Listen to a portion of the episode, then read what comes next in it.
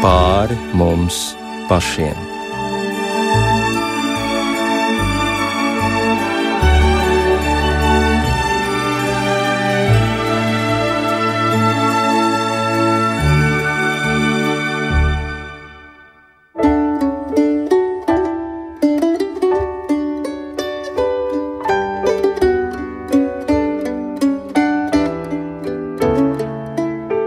Sveicināti raidījumā pāri mums pašiem, lai ir slavēts Jēzus Kristus.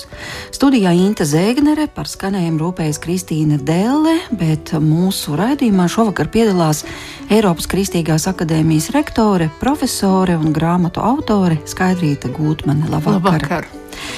Rietumu kristīgā baznīca nu jau kopš trešdienas ir iegājusi lielajā gavēnī. Un tā tad šī ir gavēņa pirmā svētdiena.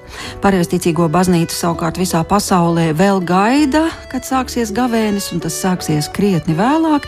Taču austrumu baznīcas pieredze, tūkstnešu tēvu pieredze, garīgās dzīves smalko pētnieku pieredze spēja atklāt daudz vērtīgu padomu tiem, kuri ir noskaņojušies iet gavēņa laikā. Un tomēr mans pirmais jautājums būtu, kāpēc ir vērts vispār to darīt? Tāpēc, ka mēs esam dzīvi cilvēki, un mums ļoti gribas, ļoti gribas iet kaut kamā ļoti skaistā, nopietnā un īstā. Cilvēki šodien ir noguruši no tā, kas darās visapkārt. Cilvēki ir noguruši no miesta, no miesta kultūras, ja, kad visi par visiem un ap visiem un vardarbība pa labi, pa kreisi un negācija ļoti daudz. Un tad, kad tādi laiki ir bijuši, un tādi laiki ir bijuši vienmēr, tad Dievs saka, jums ir vajadzīgs atgriezties pie prāta. Un atgriešanās pie prāta notiek tikai caur lūkšanu un gavēni. Un saprotiet, tas ir skaistākais laiks gadā. Es jau tagad sāku pievienoties, domāt par visu šo lietu un atteikties no daudz kā, jo man ļoti vajadzīgs ir prāts, un es ceru, ka arī klausītājiem. Tā tad lūkšana un gavēnis. Nu, lūkšana tas ir skaidrs, bet kāpēc tieši par gavēšanu ir tik daudz runāts svētajos rakstos? Un ne tikai, ja mēs runājam par kristietību, bet arī musulmaņiem ir gavēnis. Nu, tā tad tam visam ir pārdabisks avots un pārdabiska motivācija. Kas tur ir saistīts? Jo taču liekas, no cilvēka ķermenim vajag ēdienu. Nu, kāpēc Dievs saka, vajadzīgs ir gavēnis? Ar mēlu un ausīm mēs esam saistīti ar cilvēkiem. Ar ēdienu mēs esam saistīti ar zemi. Un ēdiens un ēšana ir viens no tiem daudziem cilvēkiem baudas elementiem dzīvē, kas cilvēku radikāli dzīvniecisko. Ja nesaprot, kas ir ēdiens un kas ir atturēšanās no ēdiena, tāpēc visās reliģijās ir gavēns uzsvērts kā līdzeklis tam, lai cilvēks pārstātu dzīvnieciskoties, lai viņš patiešām kļūtu cilvēks.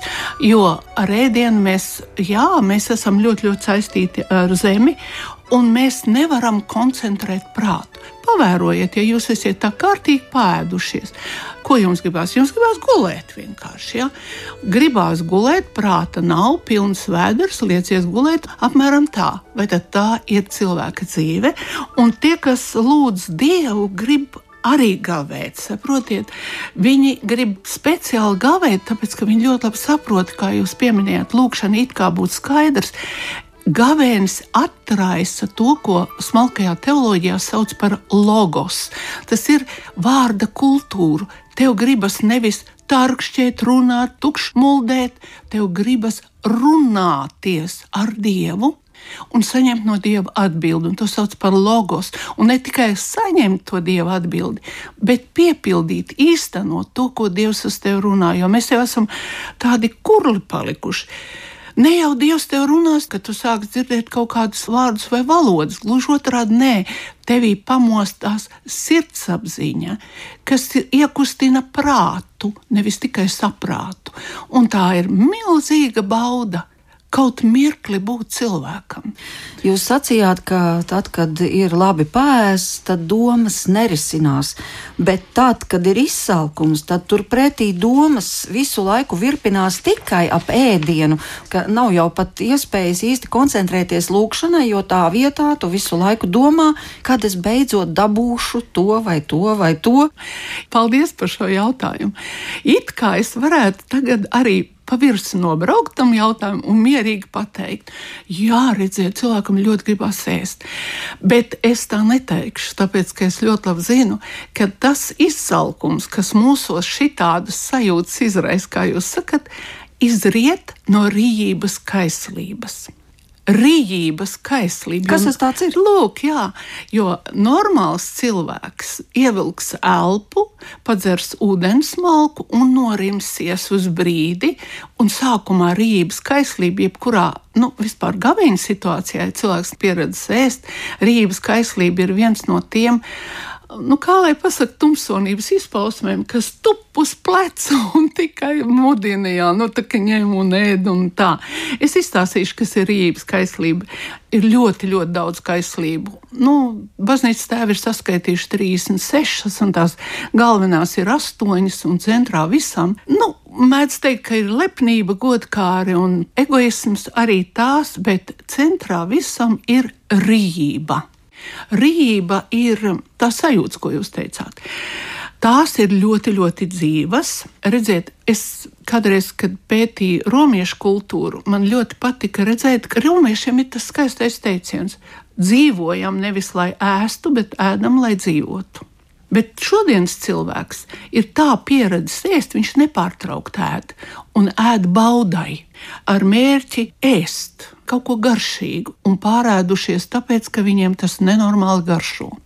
Kas no tā izriet? No tā izriet tas, ka bagātība vai pirmās pakāpes bagātība rību attīsta vēl tālāk. Pirmās pakāpes bagātniekiem naudai nav mēra, raušanai nav mēra, un tā tālāk, un tā tālāk, un tā tālāk. No turienes izriet galvenā kaislība, kas dievam ir vispretīgākā pasaulē - netiklības kaislība pieēdies, nu, piemēram, tāds cilvēks, kas Manhetenā, smalkākajā restorānā vai kaut kādā franču spaizē, jā, un tāds smalki paēdies, nu, viss ir, viss ir. Nu, ko tu tagad, kur tad likt to enerģiju?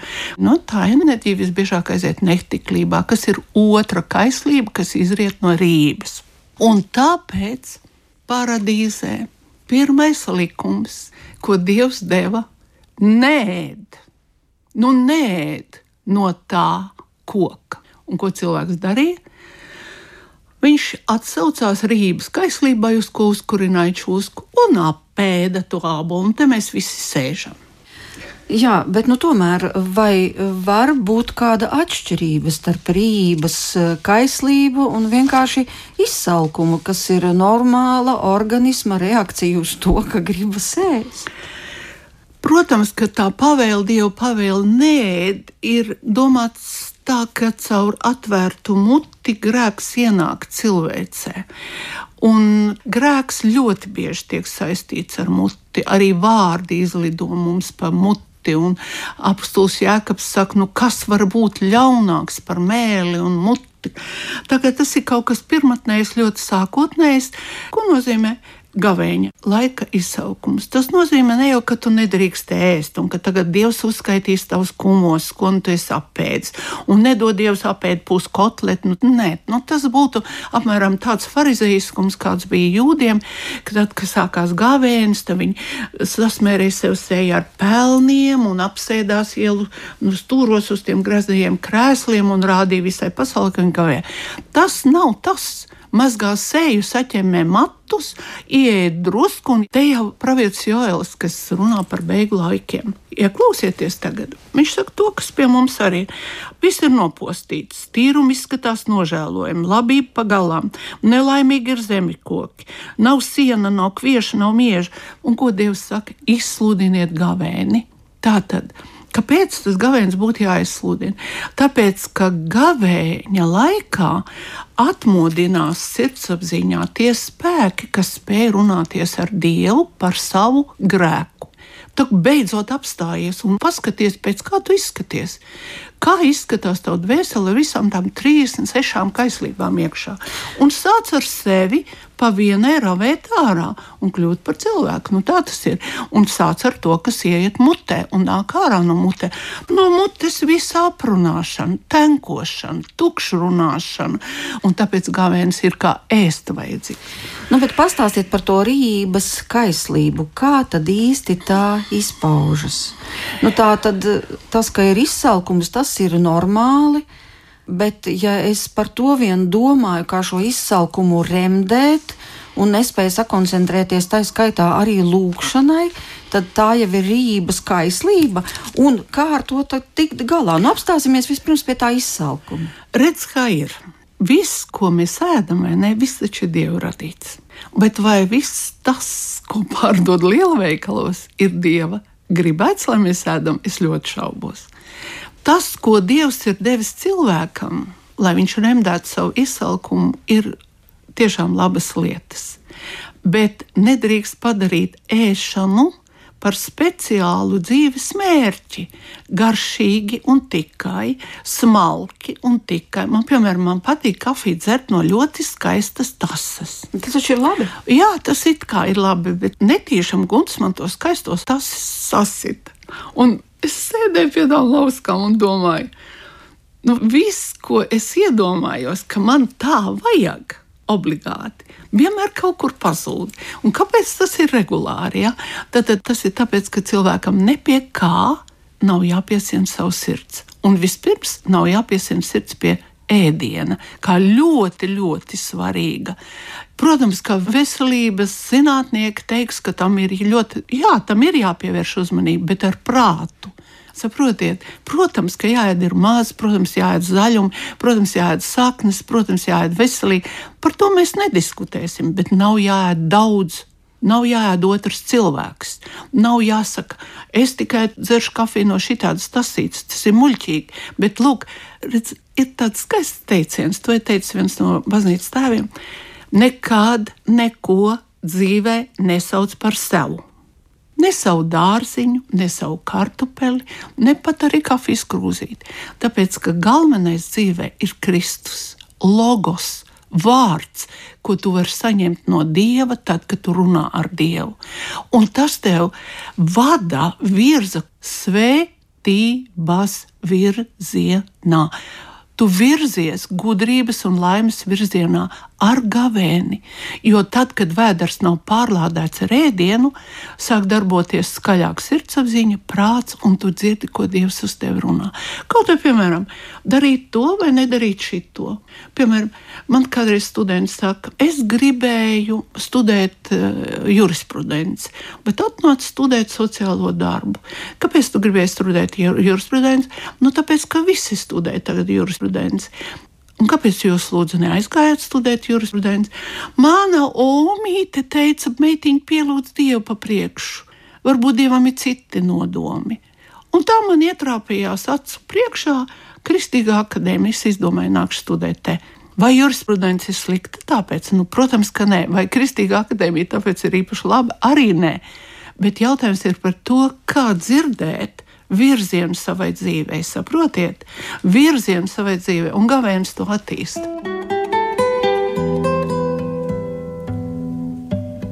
Vai varam vēl raksturot eh, tās rīības, kaislības, kā jūs sacījāt, ar kuru tad gaveņa laikā būtu jātiek galā? Pirmkārt, jā. jā kādas tad ir tās pazīmes? Tā tad ierobežojam sevi ēšanā, kļūstam nervozāki līdz ar to. Ko Lā. darīt ar to? Jā, es teikšu tā, visas šīs sajūtas, ja, kad ja tu, piemēram, sāc kavēt, un tev ir grūti, un tu kļūst nervozs, un tev gribās dzert un ēst un tā, un par to vien domā, tās ir neofīti, tās ir sākuma uh, izpausmes. Es, piemēram, gavēnu gaidu ar ļoti lielu prieku, un es priecājos, ka man absolūti negribas ēst. Es varu iztikt ar ļoti mazu. Tāpēc, ka saprotiet, tas ir viens no lielākajiem tādiem dieva svētības izpausmēm, ka dieva svētais gars mazina ēst gribu. Ir jāpaiet tam posmam, vienam posmam jāpaiet, ka tu esi nervozs, tev gribās.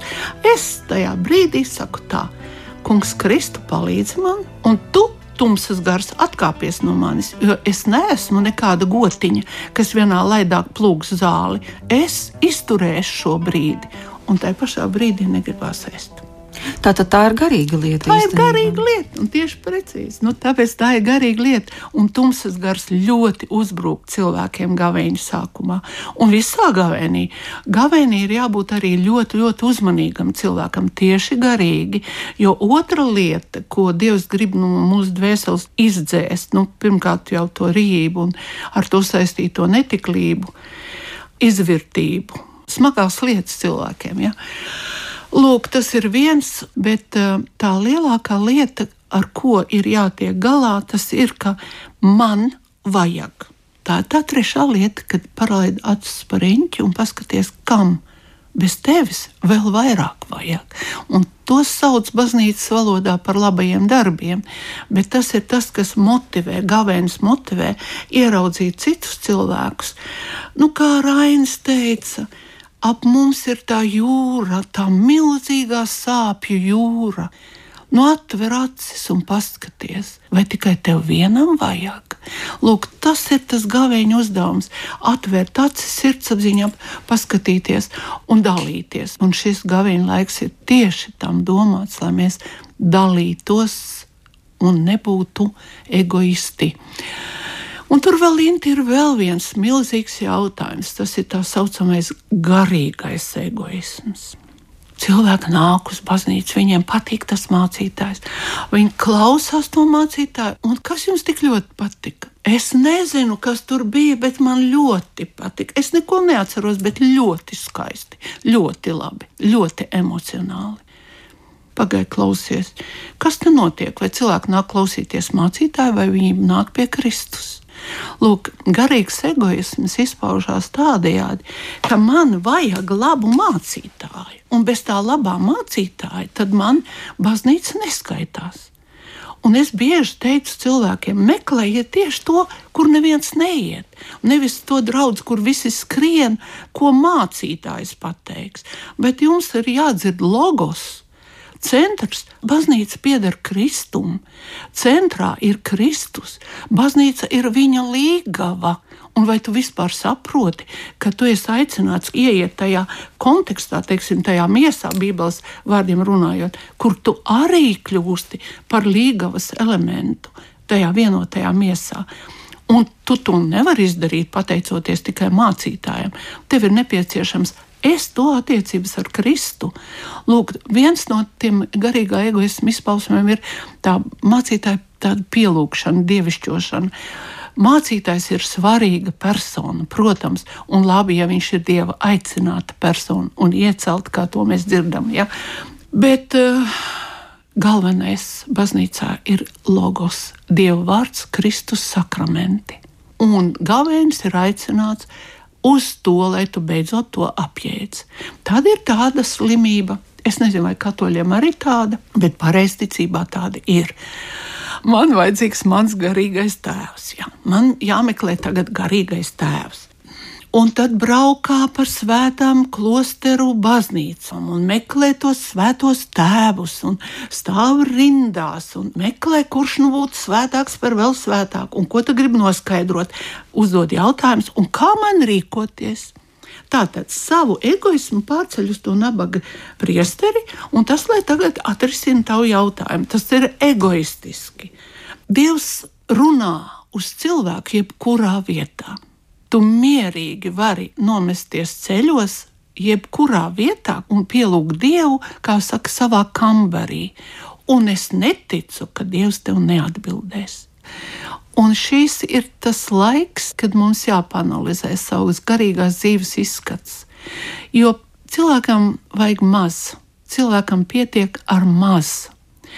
Ja tu aizej uz dievnam, ja tu izsūdz grēkus, ja tu atver evaņģēlīju, lasi, ja tu aizej pie sakramenta, saki, lūdzu, ko tev vēl vajag?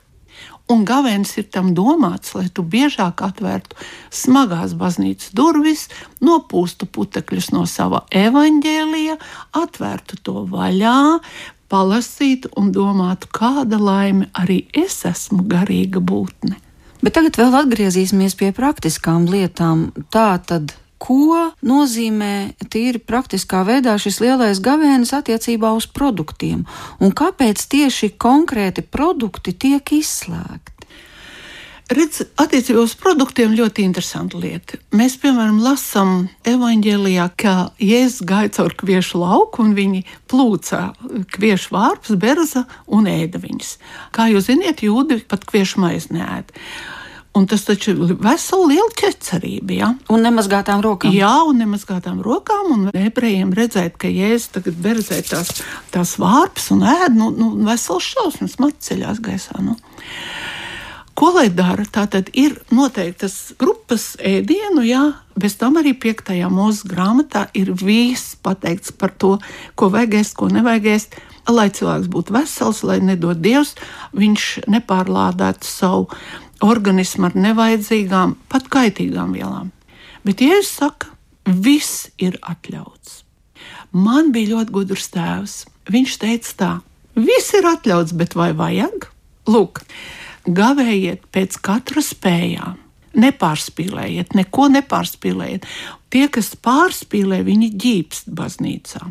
Tāpēc vajag apsvērt savu veselības stāvokli un apsvērt, ko es varu, ko es nevaru atļauties. Nu, tomēr tās klasiskais variants. Klasiskais variants ir izslēgt gaļu. Jo, ja jūs izslēdziet no gavēņa gaļu, tas jau nozīmē, ka jūs nopietni gavējiet. Nu, stingrākā gavēnī jāizslēdz arī olas, siers, piens un visi no dzīvniekiem produktiem. Un tad, tad arī piena produkti visi. Jā, gaļa un viss, kas saistīts ar pienu un olām. Jā. Tad ir trešā pakāpe, kad noteiktos svētkos, cik interesanti, vai ne, ir atļauts lietot eļļu tātad dārzeņus ar eļļu, ar olīvu eļļu, un drīkst lietot zivju ikrus. Vai zivi drīkst atļauties? Un tas ir svētkos, ja gavēns ir garš, un tad svētkos tā. Tātad baznīca, kas stāv aiz gavētāja, ir aprakstījusi baznīcas kalendārā, ko drīkst, ko nedrīkst, ko iesaka, ko neiesaka, bet tu pats ar savu prātu gudro regulē šo procesu. Nu, gaļa atkrīt. Punkts attiecībā uz gavēni ir teikts, redzi, pietiek ar maz. Un tad, kas ir maz, jāizdomā katram pašam. Gaļa pat par sevi atkrīt. Protams, ka, ja tu tur ēdīs tikai viens pašs sausiņus un dzers ūdeni 40 dienu garumā, kaut kas var gadīties, ka tu sabojās savu veselību. Ja? Jāskatās, kāds ir sirds stāvoklis, kāds ir kopējais, bet visādā ziņā gavēns ļoti uzlabo veselību, uzlabo visiem cilvēkiem bez piena un gaļas produktiem var izturēt tās 40 dienas. Var mierīgi, jā. Un, un vēl kas tajā laikā labi ir ēst uh, žāvēts aprikozes, kas ir kālī bagāts un ļoti labi sirdī, kālī bagātie dateles, jā. Visādus salātus var taisīt. Viss kaut kādas kombinācijas. Un tomēr par attieksmi pret ēdienu Jūs minējāt tādu vārdu kā gardēšana. Tas nozīmē izjust baudu no ēdiena. Tad kā tas ir gavēņa laikā? Vai mums ir jāmeklē bauda, tā izskaitā arī tajā gavēņa laika ēdienā? Tā jau ir rīpas kaislības viena no smalkākajām izpausmēm. Kā mēs zinām, no cilvēkiem tā ir. Ja? nu, justies labi. Lūk, tāpēc šis process ir jāregulē ar gudru prātu. Un sākumā, intervijas sākumā, es teicu, gavēnis ir nepieciešams mums, tāpēc tā ir laime, ka gaveņa laikā, ja mēs to ievērojam, Dievs mums dod prātu. Prāts nav iegūstams ne ar izglītību, ne ar ko. Tas ir intelekts. Intelekts ir izglītots saprāts, bet prāts ir tikai dieva dāvana, un gudrība rodas no bijības dieva priekšā. Nu, lūk, tāpēc tas gavēnis ir dots. Tā tad vai tas būs pareizi? Nemeklēt garšas baudījumu ēdienā tieši gavēņa laikā, jo arī gavēņa laika ēdienus var gatavot no tik garšīgus, ka vienkārši muti aplaizīt, vai arī tur neslēpjas kāda viltība. Ir, ir, ir viltība. Tur ir tas pats, kas, par ko mēs runājam šobrīd. Redziet, Galvenais vajag sākt ar to, ka atšķiriet raviet joelu un izlasiet. Tur ir pateikts, kas ir, kas nav gavēnis. Gavēnis ir dots, lai mēs iemācītos taisnīgi rīkoties, nemelot, neizlikties, bet būt patiesīgi. Tas apzīmējums ir krietnes cilvēks. Ja? Ir uh, efesiešiem rakstītā vēstule. Tur ir viss uzrakstīts, man Bībelīte ir priekšā. Es ātri, ātri iemetīšu aci. Lūk, pārdomājiet par to, kā jūs dzīvojat savās miesas kārībās, ļaudamies miesas saprāta iegribām, nevis gara prāta, bet miesa. Tā tad ir miesas prāts un gara prāts. Jā, lūk. Un pēc savas dabas būdami dieva dusmības bērni, kā vispārējie, bet dievs bagāts būdams žēlstībā savā lielajā mīlestībā, ar ko viņš mūs ir mīlējis, mūs, kas savos pārkāpumos bijām miruši, ir darījis dzīves līdz ar Kristu. Lūk, tas ir laiks, kad Dievs atver pār mums svētību. Nu kā Bībele neticīgi cilvēku apzīmē, ka, ka viņš ir miris. Protams, ka viņam kustās rokas, kājas, acis, viss. Un viņš runā arī, bet viņam ir saprāts, kādu cilvēku viņš ir miris. Viņš dzīvo instinktos, emocijās, gribās, pašizpausmēs, vis visādās. Un šis gaveņa laiks ir dots tāpēc, lai mēs tās pašizpausmes vērtības nu, mazliet reducētu, nu, mazliet nobremzētu. Un tāpēc tas ir tāds svarīgs laiks. Ja gribās atraisīt gudrību sevi, prātu sevi, ja gribās būt savai ģimenei par svētību, ja gribās izvest kādu nelaimīgu savu tuvinieku no, piemēram, dzeršanas nu tad gavēns tam ir domāts. Nešķīstība, kas ir ap mums pa labi, pa kreisi, šis gars neiziet savādāk kā ar gavēnu un lūkšanu. Ap mums ir tik drausmīgi dziļa nešķīstība. Nu, lūk, tas ir tas laiks, kad mēs varam visai tautai savai palīdzēt. Nu, tādā stāvoklī mūsu gavēnis var ievest, ka mēs uztveram, ko Dievs runā vispirms, ko otrs cilvēks runā, ka mēs gribam saprast otru cilvēku, ka mēs gribam saprast savus tuviniekus vai bērnus, un nevis tikai viņus apsūdzēt. Lūk, tas tāds unikāls laiks ir. Viena no gaveņa laika problēmām ir bailes, ka es neizturēšu. Nevajag baidīties. Bailes nekad nav no dieva, bailes ir tikai un vienīgi no vēlna. Baiļu gars nav labs gars. un To var regulēt ar lūkšanām. Ļoti mierīgi var teikt, Kungs, Kristu atņem man baiļu garu, ak, Kungs un mans dzīvības valdnieks. Slinkumu, baiļu, mazticības garam neļauj pār mani valdīt. Saprāt skaidrības, šķīstības un mīlestības garu jau piešķir man savam kalpam. Jā, kungs un valdnieki, dod man prātu ieraudzīt savus trūkumus un nenosodīt savu tuvāko, jo svēts esi vienīgi tu. Skaista lūkšana. Jā, ļoti. Jā. Efraīmas sieviešu lūgšanu. Sakiet, lūdzu, bet eh, kas ir tie galvenie klupšanas momenti gavēņa laikā? Bieži vien ir tā, ka ar lielu entuziasmu tu nodzīvo pirmo dienu uz maizes un ūdens. un, bet, un, otrajā, un Jā. otrajā pēc tam jau tu jūti, ka priekšā vēl ir 39 dienas. Nezinu, vai tas ir iespējams. Tad kas ir tie, kā pārvarēt tos klupšanas akmeņus? Nevajag par gavēnu domāt gavēniem vajag ieiet dabiski. Nevajag domāt, tagad es tā no, nu, noņemšos gavēt. Tā ir iespēja būt maksimāli tuvu dievam. Tas ir normāls stāvoklis. Un vajag vienkārši saprast, ka tas, kā mēs dzīvojam, nav normāli.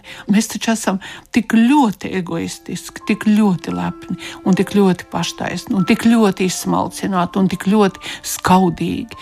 Lūk, viss tas nav normāli. Mums jāiet normā, tas ir tuvībā ar Dievu, un to jāuzņem normāli. Pie pirmās klupšanas nevajag šausmināties, ka man kaut kas neizdevās, celties augšā, aiziet uz grēksūdzi un turpināt tikpat mierīgā garā pie nākošās un piektās klupšanas atkal celties augšā, noskurināties, aiziet uz grēksūdzi un turpināt tikpat mierīgā garā un sagaidīt lieldienas ar milzīgu sajūsmu to nakti. Jo Dievs redzot, ka tu klūp un celies, klūp un celies, beigās tev dos milzīgu prieku, ka tu esi piecēlies. Un tas ir tas gaveņa skaistums. Jā, bet tagad jūs pieskarāties vēl vienam ļoti svarīgam jautājumam. Respektīvi, jūs sakāt, aiziet uz grēku sūdzi, turpiniet gavēt, aiziet uz grēku sūdzi. Bet, ja nav šīs baznīcas pieredzes, un ja tu nepiederi baznīcai, bet tajā pašā laikā, nu, es gribu tuvoties dievam, bet sākumā es gribu pats, tad kāds ir šis individuālais ceļš, vai tas ir iespējams? Tas nu galīgi nav iespējams, un tas arī nav veicināms, un tas vispār ievada cilvēku beigās tikai un vienīgi izmisumā. Es biju Mūzes kalnā, tātad Sinajā, un tās ir viens vienīgs klintis. Es biju Katrīnas klosterī, tajās klintīs ir alas. Un tu pa gabalu vari redzēt, ka tur sēž dāmas un kungi, kas ir vīlušies modernajā sabiedrībā, postmodernajā, un tur ir atbraukuši tā teikt, tagad gavēt un kļūt garīgi cilvēki. Ziniet, kas ar viņiem notiek? Viņi regulāri sajūg prātā. Un mūsu Georgijas tēvs, ja, Katrīnas klostera priesteris, viņš teica, žēl ir skatīties uz tiem cilvēkiem. Cilvēki neglābjas ārpus baznīcas. Tas ir baznīcas tēvu teiktais, kam baznīca nav māte, tam dievs nav tēvs. Un tā ir svēta patiesība. Kristus dibināja baznīcu uz apstuļu pamata, lai cilvēku dvēseles tiktu izglābtas. Un cilvēku glābjas tikai un vienīgi baznīcā. Punkts. Un kas stāsta kaut kādas citas pasakas, tas stāsta pasakas. Un ir cilvēki, kuriem patīk klausīties pasakas. Tāpēc šīs privātās tādas um, pestīšanas tendences un privātās atklāsmes un tādas emocionālas atklāsmes ir tukši sapņi, kā raksta baznīcas tēvi. Es citēju viņus. Jā, bet ja es neesmu gluži tā gatavs uzreiz mesties iekšā mātes baznīcas apkampienos, bet es gribu tā solīt pa solītim pamēģināt. Nu, tagad ir gavēņa laiks, labi, es neēdīšu gaļu, varbūt arī nelietošu piena produktus. Un labi, es tagad lēnām, lēnām, piemēram, vienreiz nedēļā, nu, tomēr aiziešu pats savā nodabā uz to baznīcu. Tas ir labs ieteikums, Inta, ko jūs teicāt. Es pamēģināšu, es aiziešu uz baznīcu. Daudziem man cilvēki teikuši tajā piemērā, kur jūs minējāt, aizgāju uz baznīcu, man bija jāraud. Es saku, tas ir brīdis, kad jums pieskārās Dieva svētais gars. Tas ir labs asars. Paldies Dievam, ka bija jāraud. Un neko vairāk nevajag. Varbūt gribēsies vēl un vēlreiz aiziet.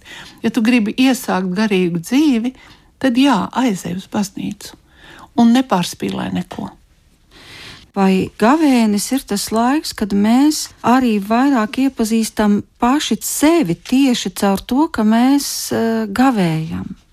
Nu, respektīvi, varbūt atklājam sevī kaut kādas tādas lietas, kas bija labi pēdušam cilvēkam aizslēgtas, kuras mēs nebijām pamanījuši. Savā raksturā vai arī sajūtu, ka tas darbs, kas ir jāpadara, ka tas ir milzīgs un gandrīz nepaveicams. Nu, kaut vai, piemēram, nomazgāt traukus, ja to it īpaši ir daudz, ka tas šķiet kaut kas ļoti liels un milzīgs. Un es biju pārsteigta uzzinot, ka aiz tā stāv tomēr izrādās slinkuma gars. Nu, tā ir arī kaislības slinkums. Slinkums arī ir viena no kaislībām, tā, tajā pašā lielajā kaislības schēmā. Un mēs neesam zemes ļaudis, mēs esam dieva bērni, ko mēs bieži aizmirstam. Vēlams dara visu, lai cilvēks aizmirst, ka viņš ir dieva bērns. Lūk, un gavēnis atved mūs atpakaļ pie mūsu identitātes. Un tas ir tas mērķis, un tam ir tā ēdiena regulēšana. Jo tad, kad vēders bišķiņ cieš, tas ir, ziniet, kas? Tā ir upurspēja savas identitātes dēļ. Upurspēja. Tā ir varonība, mazliet paciesties dēļ tā, lai tu atcerētos, ka tu esi ķēniņa bērns. Mēs visi esam ar dziļām saknēm, ķēniņa bērni. Mums ir saknes, un tāpēc apskaties, kādā veidā Tavas saknes aizsniedz tavus bērnus, mazbērnus, tavu dzimtu, vai tu esi par svētību savai dzimtei, jeb tu esi kārtējais pelējums, kas izplatās ja? ar tenkošanu, aprunāšanu, skaušanu un visām šādām. Tāpēc, lūk, ieelpot to ķēnišķo gaisu. Vēl es tādu piemēru pateikšu. Nu, piemēram, kas mēs esam? Nu, kad mēs bijām mācīti klēpī, Mums acis bija cieta, auss bija cieta, mutplātī bišķiņā. Un mēs visu uzņēmām, komunicējām, sapratām caur nabas saiti. Tagad labi, tā bija vienīgā saite. Mēs tagad piedzimām, atvērās acis, savas kājas, rokas sāk kustēties, nabas saite apsiet. Nav.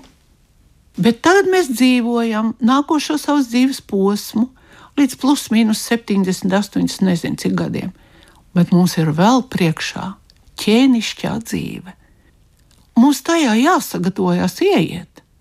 Bet, ja mēs esam kā pelējums bez saknēm, un ja mēs esam aizmirsuši, ka mēs esam ķēniņa bērni, kā mēs tur aiziesim? Nekā. Nobrauksim tumsā, kur mums nav jābūt pēc nāves. Ja? Un tāpēc, redz, caur gavēni mēs iegūstam tādu brīvību apzināties, ka neesam tikai zemes ļaudis, mēs esam ķēniņa bērni. Tātad gavēņa laika motivācija un galvenais mērķis ir tuvoties dievam. Bet vai var vēl izvirzīt eh, šai galvenajai motivācijai tuvoties dievam, vēl arī citas motivācijas blakus. Nu, piemēram, es gribu gavēt par sava kāda tuva cilvēka atgriešanos pie dieva, un es šo gavēni veltīšu šādam mērķim, vai arī tā var darīt? Jā, tas ir brīnišķīgi. Es esmu arī tā darījusi, es tā esmu darījusi, jā, ka šo gavēni es veltīšu kāda cilvēka problēmas atrisināšanai. Un tas ir devis rezultātu? Ļoti, ļoti izcils rezultāts, brīnišķīgs rezultāts. Jā, tas vienmēr ir ļoti. Un arī baznīcas tēva raksta, ka tā ir viena no augstākajām varonības formām, garīgās varonības formām, ka tu mērdē sevi ka tu ej uz to varoņu darbu otra cilvēka dēļ. Un tas ir ļoti augsti. Es pat esmu lasījis dažus baznīcas tēvu, piemēram, īsaku sīrieti. Viņš raksta tā, ka, ja pat viens tāds gadījums būs tavā dzīvē, tu tiksi izglābts.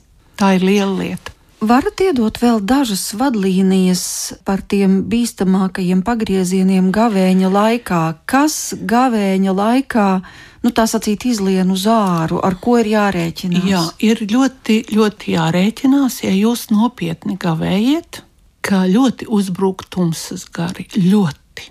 Jā, ir jābūt ļoti uzmanīgam vadot mašīnu, vispār jebkur ejot. Visādā veidā tas ir laiks, kad tumsa uzbrūk tiem cilvēkiem, kas pa īstam ir garīgas svētības nesēji. To baznīcas tēvi ļoti smalki ir aprakstījuši, ka vajag sargāt sevi ar krusta zīmi, katru dienu iesākot un pēc iespējas vairāk pārlikt sev krusta zīmi, jo krusta zīme ir lūkšana arī pēc aizsardzības. Un tieši tāpat tā otra lieta ir pēc iespējas daudz un vairāk teikt, Kungs, Jēzu Kristu, apžēlojies par mani grēcinieci. Visu laiku piesaukt Kunga Kristus vārdu, jo dēmoni no Kristus bēg pa gabalu uzreiz, un tāpat arī no krustazīmes. Lūk, tas ir viens, kad ir liels apdraudējums. Otrs ir pēc iespējas mazāk vajag runāt par savu gavēni. Klusēt vajag Vajag mazāk runāt, jo tiklīdz tu kaut ko stāsti, atcerieties, ka tums eņģeļi to dzird. Viņi visi izpostīs, un tev neizdosies daudzas lietas. Un tā ir tāda ļoti liela laiks arī, ka mēs uh, mācāmies mēli turēt aiz zobiem un mazāk runāt. Tā kā apustulis Jānis to darīja. Bet skatīties, dzirdēt, domāt un runāt ar Dievu daudz. Lūk, tas ir tas. Tās divas bīstamības reāli pastāv. Viena ir tā, ka tev uzbruks tīri fiziski, nu ne jau ar nazi eh, vai zobenu, ja, bet tev var gadīties visādas klapatas. Un otrs ir, kad vajag tomēr valdīties, ko tu runā, ko tu nerunā par savu garīgo dzīvi, nedrīkst lielīties ar saviem sasniegumiem. Tas zaudē visu. Vajag racionāli apzināties, ka tas ir viens no skaistākajiem laikiem, ar kuru tu garantē savus dvēseles ceļu pēc nāves mūžībā. Un tik nopietni arī pret to izturēties. Bet, ieejot gavēnī, var arī būt tā, ka tu ieej arī iekšējā tuksnesī.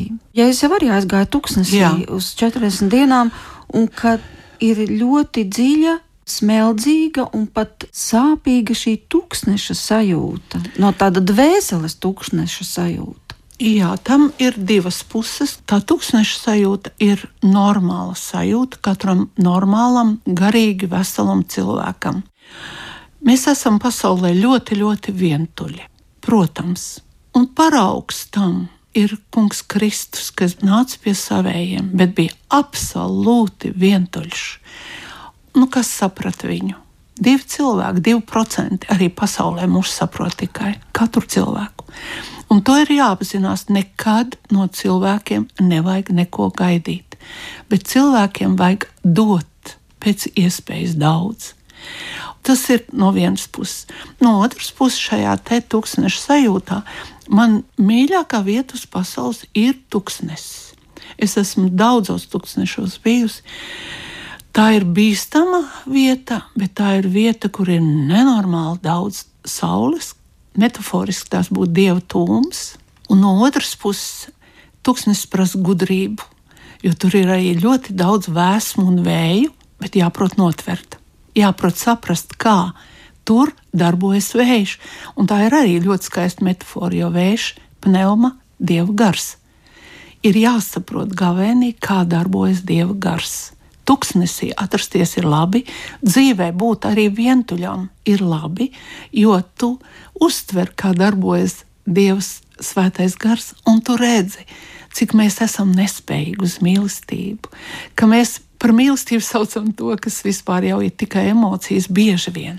Lūk, īsta tāda upurspējīga mīlestība, tas ir ļoti liels retums un tā ir dāvana. No otras puses, redziet, ir tā, ka mēs sevi žēlojam. Un šī žēlošana, to uzreiz var redzēt. Oi, tik vientuļš, un tik izmisis, un tik nekāds un nesaprasts. Atdod sevi. Nu kā, nu tik skaisti tur tas Rains raksts, laukiet asras, tik nesavas, slaukiet citas sariņas, citu asras slaucīdami atradīsiet savu laimi. Lūk, tāpēc šī vientulības sajūta ir normāla sajūta. Ja?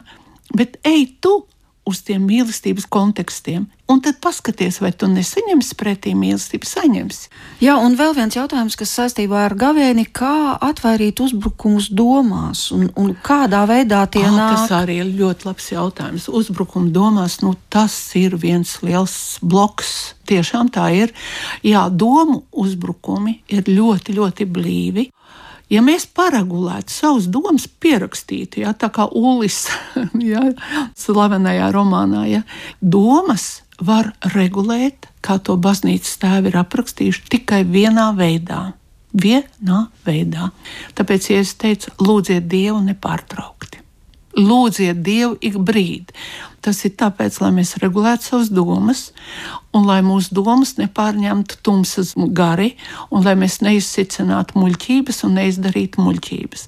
Lūk, tāpēc ir jāiemācās nepārtraukto lūgšanu, kaut vai Kungs Jēzu Kristu. Tikai trīs vārdus teikt bet nepārtraukti.